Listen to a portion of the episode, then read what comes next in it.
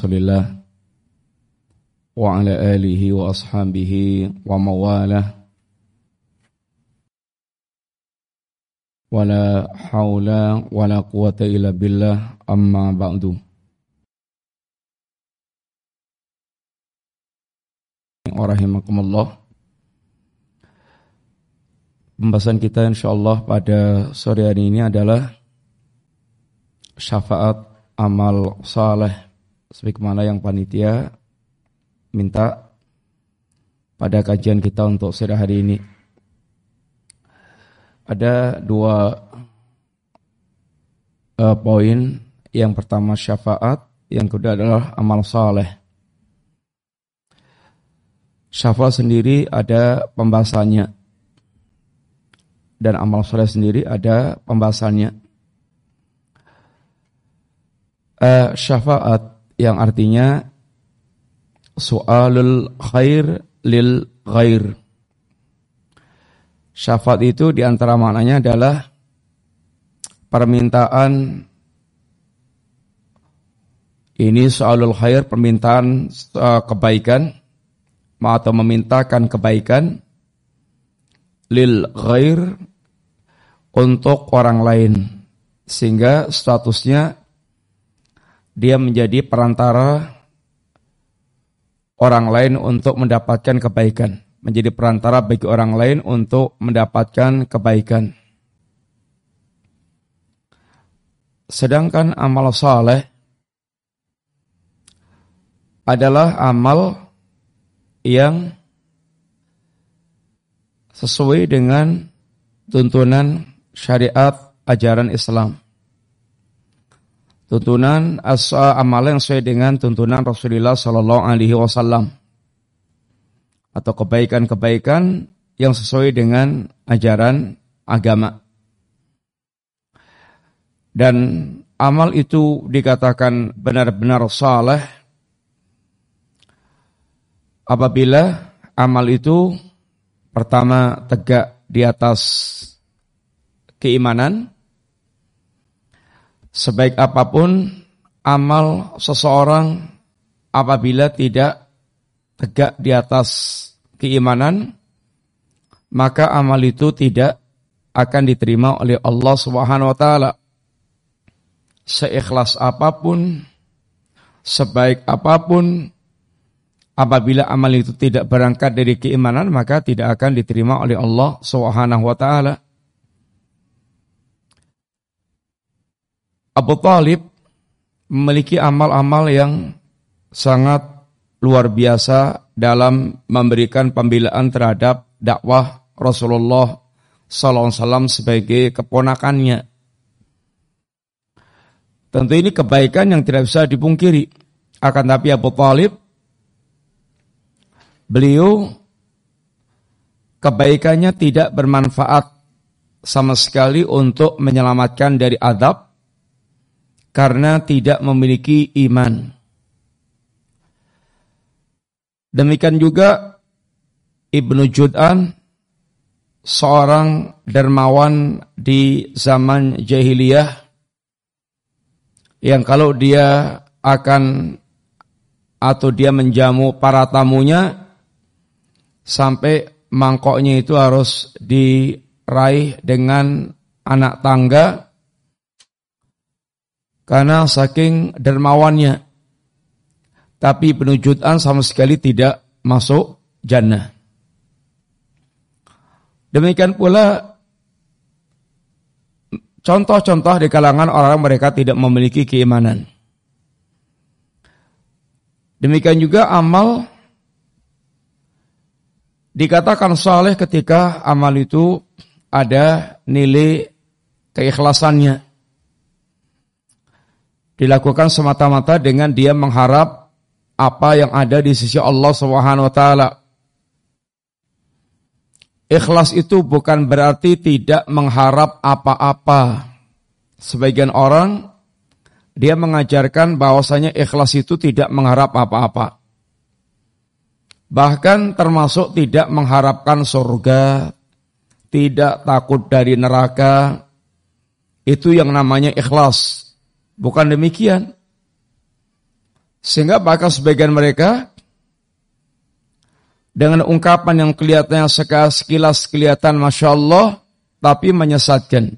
Ya Allah seandainya saya beramal itu karena menginginkan surga, maka haramkan surga bagiku.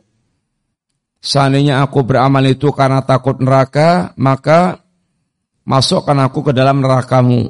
Ini adalah kalimat yang jelas-jelas sesat, menyesatkan, bertentangan dengan kitab Allah, dengan sunnah Nabi, dengan amaliyah para sahabat Rasulullah Sallallahu Alaihi Wasallam. Ikhlas itu artinya memurnikan tujuan, memurnikan keinginan, yang semata-mata dia inginkan adalah apa yang ada pada ada apa yang dari sisi Allah Subhanahu wa taala. Termasuk mengharapkan keridhaan Allah, termasuk mengharapkan surga yang Allah janjikan, termasuk dia ingin terhindar dari azab yang Allah ancamkan. Ini adalah orang-orang yang mereka masuk di dalam atau termasuk orang-orang yang dikatakan mukhlis. Tidak ikhlas itu ketika seorang dia amal yang seharusnya dia tujukan kepada Allah, tetapi dia inginkan apa yang di tangan manusia. Sehingga ikhlas itu berat. Orang susah untuk ikhlas kecuali dia memiliki dua kunci. Yang pertama, kecintaannya kepada Allah Subhanahu wa taala, tumbuhnya kecintaan, pengagungan dia kepada Allah Subhanahu wa taala. Orang yang mereka tidak memiliki kecintaan kepada Allah, kerinduan kepada Allah, tidak menginginkan apa yang di sisi Allah Subhanahu wa taala, ini akan susah untuk dia ikhlas. Yang kedua, himmahnya tenggelam kepada himmah akhirat. Cita-citanya, keinginannya obsesi kesuksesannya adalah akhirat. Kalau dia tidak memiliki dual ini, maka sangat sulit, sangat susah seorang dia untuk dia bisa ikhlas. Karena orang yang mereka tidak ada motivasi kecintaan kepada Allah, tidak ada motivasi pengagungan kepada Allah, tidak ada motivasi gambaran tentang kesempurnaan Allah Subhanahu wa taala, dan tidak ada bayangan-bayangan untuk mendapatkan keuntungan besar di kampung akhirat, itu akan sangat susah untuk dia yin ikhlas. Kemudian yang ketiga adalah amal yang mesti sesuai atau tegak di atas ilmu, sesuai dengan tuntunan Rasulullah Sallallahu Alaihi Wasallam, yang apabila amal itu tidak mencocoki dengan ajaran Nabi, kata Nabi, man amila salihan min uh, man amila amalan laisa alaihi amruna fawwa raddun. Barang siapa yang dia beramal sedangkan amalnya itu tidak sesuai, tidak ada dasar tuntunan dari Rasulullah Sallallahu Alaihi Wasallam maka amal itu adalah raddun, ay mardudun yaitu tertolak. Sehingga amal tidak dikatakan salah kecuali tegak di atas tiga ini perkara tersebut. Syafaat ikhwanifillah secara bahasa seperti tadi. Soalul khair lil ghair. Memintakan kebaikan untuk orang lain. Sehingga statusnya ada sebagai perantara. Secara umum syafaat itu ada syafaat dunia ada syafaat akhirat sehingga Allah Subhanahu wa taala menegaskan dalam sebuah uh, sehingga Nabi uh, sehingga Allah menegaskan dalam sebuah ayat Wa man yasfa syafa'atan hasanatan. Barang siapa yang dia memberikan syafaat syafaat kebaikan yakun lahu nasibun minha dia akan mendapatkan bagian kebaikan dari menjadi perantara kebaikan tersebut. Waman yasfa syafa'atan sayyi'atan yakun lahu kiflun minha. Tapi barang siapa yang dia menjadi perantara keburukan, maka dia pun akan mendapatkan ya ini bagian daripada balasan keburukan tersebut. Ada syafaat kebaikan, ada syafaat keburukan. Contoh syafaat kebaikan. Seseorang menjadi perantara bagi orang lain untuk mendapatkan apa yang menjadi kebutuhannya. Si A dia pengen utang kepada si B. Tapi si B ini tidak kenal dengan si A. Berat kecil kemungkinan dia akan melepaskan uangnya untuk mengutangi si A. Si C ini kenal A, kenal B. Sehingga si C ini lalu dia menjadi perantara, berbuat baik menjadi perantara demi cairnya utangan untuk si A, maka dia pun menjadi perantara ini memintakan kepada si B agar mencairkan utangan untuk si A. Nah, si C ini statusnya adalah dia memberi syafaat kepada atau menjadi syafaat bagi A. Memintakan apa menjadi kebutuhan dia kepada orang lain dalam rangka supaya kebutuhan dia terpenuhi. Ini contoh menjadi syafi' di dalam masalah kebaikan. Adapun menjadi perantara dalam masalah keburukan contohnya adalah ketika Usamah bin Zaid menjadi perantara untuk menggugurkan hukuman bagi seseorang yang harusnya mereka mendapatkan hukuman karena mencuri. Ada seorang wanita terhormat, dia kemudian mencuri, kemudian kaumnya berusaha bagaimana bisa tergugurkan hukuman untuk dia, maka mencari orang yang kira-kira bisa melobi Rasulullah Shallallahu Alaihi Wasallam, dapatlah Usama Dapatlah Usama. Maka Usama lah kemudian melebih Nabi. Alangkah marahnya Rasulullah dengan sikap Usama yang akan menjadi perantara gugurnya hukum Allah Subhanahu wa taala. Nabi katakan, "Ya Usama, atasfa'u fi haddin min hududillah?" Ya Usama, apa memangnya kamu akan menjadi perantara untuk gugurnya dari hukum Allah Subhanahu wa taala. Ini contoh syafaat yang buruk. Ini dalam urusan dunia. Maka barang siapa menjadi perantara yakni dalam syafaat kebaikan, maka dia pun akan mendapatkan bagian kebaikan tersebut. Ini telah berbuat baik. Ini yang Nabi katakan isfa'u tu'jaru. Jadilah kalian atau berilah syafaat, kalian akan mendapatkan pahala dari Allah Subhanahu wa taala. Ini syafaat dalam kebaikan. Dan jangan sampai menjadi pemberi syafaat di dalam masalah yaitu keburukan. Adapun yang menjadi pembahasan kita ya fillah adalah ya ini syafaat di dalam masalah eh, ini syafaat dari kiamat kelak. Syafaat yang diinginkan di hari kiamat kelak. tentang adanya syafaat berdasarkan dalil Al-Quran, As-Sunnah, dan ijma'nya para salaf. Sehingga orang yang orang-orang yang mengingkari syafaat, dia telah menyelisih ayat Al-Quran, telah menyelisih hadis Nabi, dan telah menyelisih ijma'. Apa ada di kalangan kaum muslimin yang mengingkari-mengingkari syafaat? Ada. Contohnya adalah orang-orang khawarij. Karena orang-orang khawarij itu dia punya prinsip pelaku dosa besar kalau matinya belum bertaubat dia statusnya kafir dan di akhirat kelak khalidan finnar kekal di dalam neraka maka tidak ada syafaat bagi orang mereka sudah masuk neraka. Orang di zaman sekarang ada. Masih ada. Sebagian kaum muslimin yang di antara alirannya tidak meyakini adanya syafaat karena kalau orang sudah masuk neraka itu ya sudah kekal di dalamnya. Gak ada istilah keluar dari neraka. Ini bertentangan dengan ayat Nabi, ayat Allah, hadis Nabi, ijma' para salaf. Yang Allah Subhanahu wa taala menjelaskan tentang berbagai macam bentuk syafaat atau ayat-ayat yang menjelaskan tentang masalah syafaat. Satu di antaranya seperti di antaranya mandallati yasfa'u indahu illa bitni.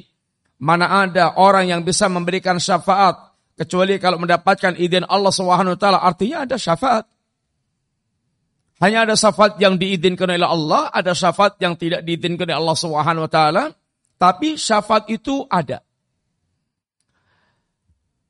Demikian pula di antara hadis Rasulullah SAW, Nabi berkatakan di antaranya syafaati li ahkali uh, ini uh, li ahli kabair min ummati syafaatku akan aku berikan kepada ahlul kabair di kalangan umatku ini. Artinya ada syafaat. Jadi kemat kelak. Orang-orang mereka akan mendapatkan syafaat. Di antaranya syafaat di Rasulullah SAW. Sehingga ada istilah jahannamiyun. Ada istilah orang-orang yang mereka itu dientaskan dari jahanam. Masuk dimasukkan ke dalam surga. Dengan syafaat sehingga mereka dikatakan jahanamiyun, yaitu mantan-mantan jahanam. Nabi katakan yang antaranya, Likulli nabiyun, uh, likulli nabiyin dakwatun. Setiap nabi itu ada doa. Qad da'a biha pastujiba. Yang para nabi itu telah berdoa kepada Allah dan telah dikabulkan oleh Allah SWT doanya tersebut. Fajaltu dakwati syafa'atan li ummati yaumal qiyamah. Adapun doaku, aku jadikan syafaat untuk umatku di hari kiamat kelak. Sehingga seperti yang telah kita sebutkan bahwasanya ada orang-orang mereka itu dikeluarkan dari jahanam dengan syafaatnya Nabi SAW. Sehingga Nabi memiliki Banyak syafaat. Ada syafaat yang hanya dimiliki Rasulullah Sallallahu Alaihi Wasallam dan ada syafaat yang dimiliki oleh selain Rasulullah Sallam. Karena Nabi uh, Nabi memberikan syafaat, malaikat memberikan syafaat, kaum mukminin memberikan syafaat, syuhada memberikan syafaat. Ini adalah atau bahkan anak kecil memberikan syafaat. Tapi ada syafaat yang hanya dimiliki oleh Nabi, yaitu di antaranya syafaat yang dikenal dengan syafaatul uthma.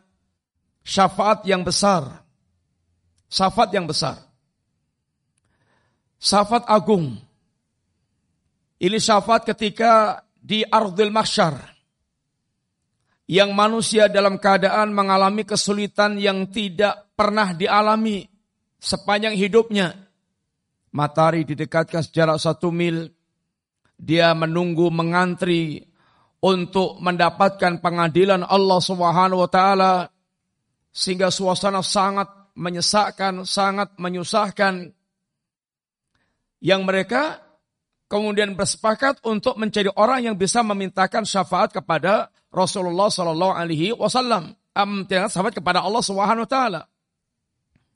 Datanglah manusia kepada Adam ditolak. Datang pada eh, Adam menyarankan untuk datang kepada Nuh ditolak. Datang kepada Ibrahim ditolak. Kepada Musa ditolak. Kepada Isa ditolak. Sampai kepada Rasulullah.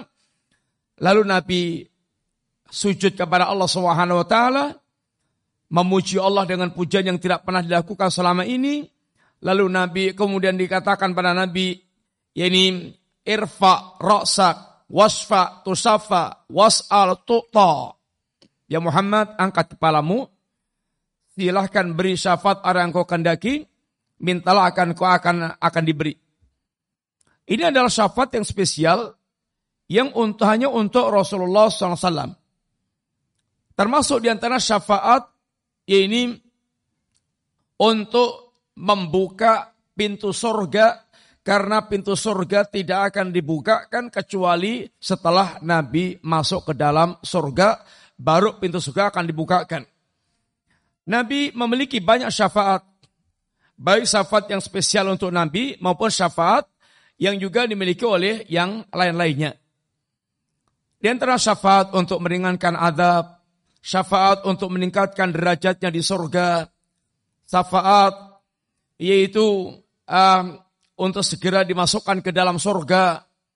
Ini adalah di antara syafaat-syafaat yang Nabi berikan termasuk syafaat kepada ahlun nar kaum mukminin, usatul mukminin, ahli maksiat di kalangan kaum mukminin yang mereka kemudian dientaskan dari neraka dengan syafaatnya Rasulullah Shallallahu Alaihi Wasallam.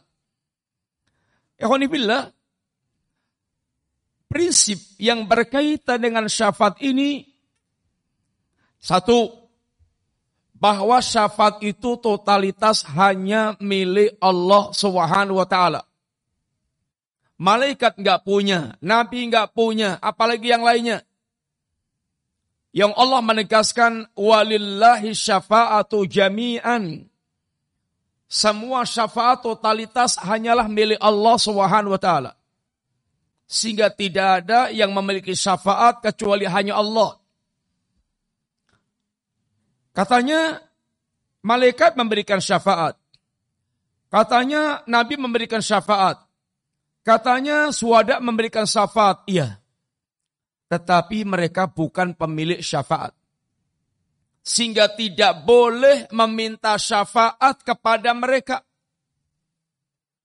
Dan mereka ini statusnya adalah orang-orang yang dimuliakan oleh Allah dengan hak memberikan syafaat.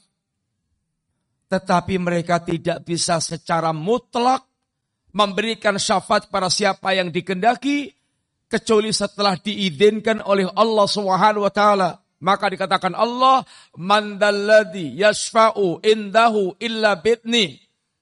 Mana ada yang bisa memberikan syafaat kecuali setelah diizinkan oleh Allah Subhanahu wa taala.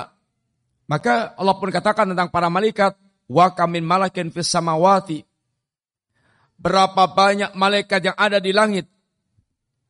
La tangfau syafa'atuhum. Yang syafaatnya sama sekali tidak bermanfaat, tidak berguna.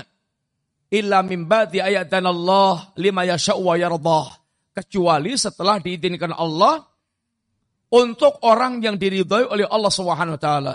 Maka ya, untuk sesuatu yang berkaitan dengan syafaat Prinsip yang pertama mesti kita fahami bahwa syafaat itu semata-mata adalah milik Allah Ta'ala secara totalitas. Yang kedua, orang-orang yang mereka berhak untuk memberikan syafaat, mereka bukan pemilik syafaat. Akan tetapi mereka adalah orang yang Allah muliakan, man ukrima bisyafa'ah. Orang yang Allah muliakan dengan hak memberikan syafaat. Kemudian mereka sendiri tidak akan bisa memberikan syafaat kecuali setelah diizinkan Allah taala. Dan orang yang akan diberikan dan orang yang dibolehkan untuk diberikan syafaat hanya orang hanya orang yang diridhai oleh Allah taala dan Allah tidak pernah ridha kecuali untuk ahli tauhid. Untuk orang-orang yang mereka memiliki tauhid. Oleh karena itulah banyak amalan-amalan yang akan bisa memberikan syafaat kepada seseorang. Tapi yang pertama dan utama dan menjadi dasar penentu yang kalau tidak ini orang tidak akan pernah berhak untuk mendapatkan syafaat yaitu tauhid. Abu Hurairah radhiyallahu anhu beliau pernah mengajukan kepada pernah menanyakan kepada Nabi ya Rasulullah Man as'adu nasi bisyafa'atik yaumal qiyamah. Ya Rasulullah, siapa orang yang paling berbahagia dengan syafaatmu kelak di hari kiamat? Kata Nabi, laqad donantu ya Abu Hurairah. Sungguh aku telah mengira ya Abu Hurairah. Tidak ada orang yang lebih yang mendahului Anda dalam bertanya tentang hal ini min hirsika alal hadis karena semangat Anda dalam masalah hadis. Abu Hurairah orang yang hidupnya bersama Nabi itu hanya dalam hitungan sekitar 3-4 tahun. Tetapi hafalan hadisnya paling banyak, sangat banyak. Berapa ya kawan? 5000 berapa? 374 sekitar itu. Sehingga oleh orang Syiah Abu Hurairah ini menjadi sasaran tembak untuk bisa dihancurkan.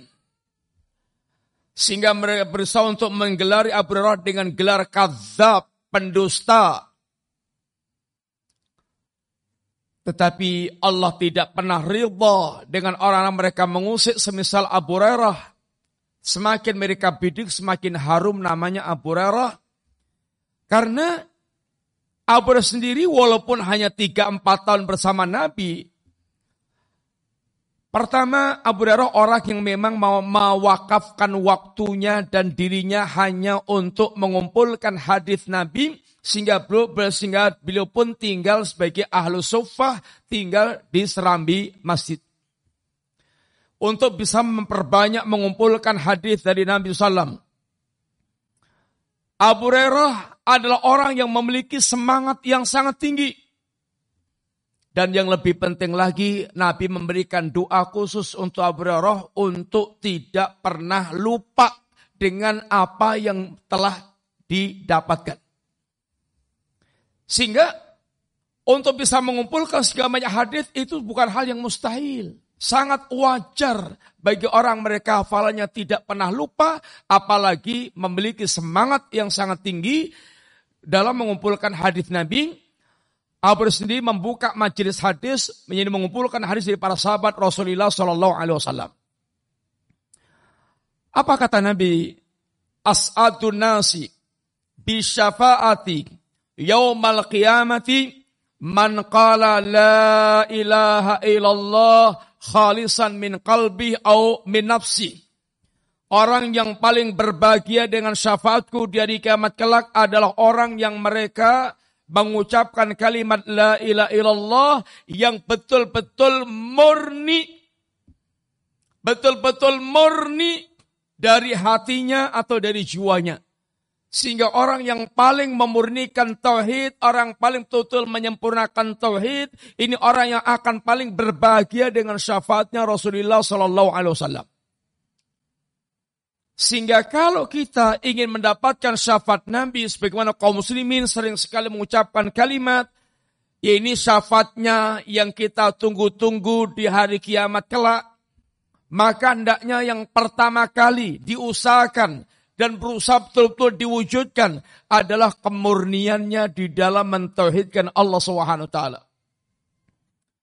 Adapun kalau orang sampai dia tenggelam dalam kesyirikan, maka akan menjadi penghalang bagi dia untuk mendapatkan syafaatnya Rasulullah SAW. Sehingga Nabi nggak bisa memberikan syafaat keselamatan dari azab kepada Abu Talib sehingga Nabiullah Ibrahim tidak bisa memberikan syafaat kepada ayahnya sendiri yang mati dalam keadaan musyrik.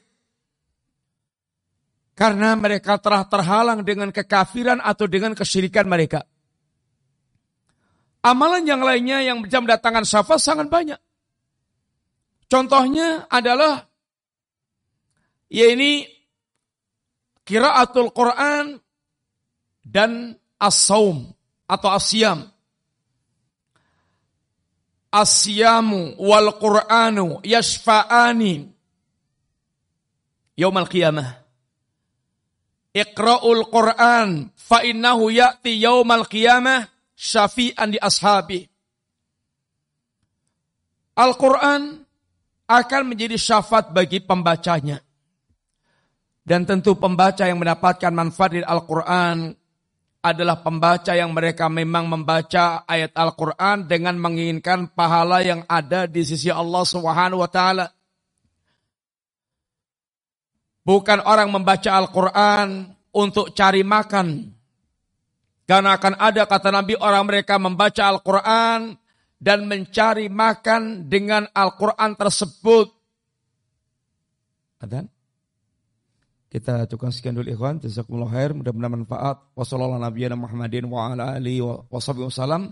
Subhanakallahumma wa bihamdika asyhadu an la ilaha illa anta astaghfiruka wa atubu ilaik. Assalamualaikum warahmatullahi wabarakatuh.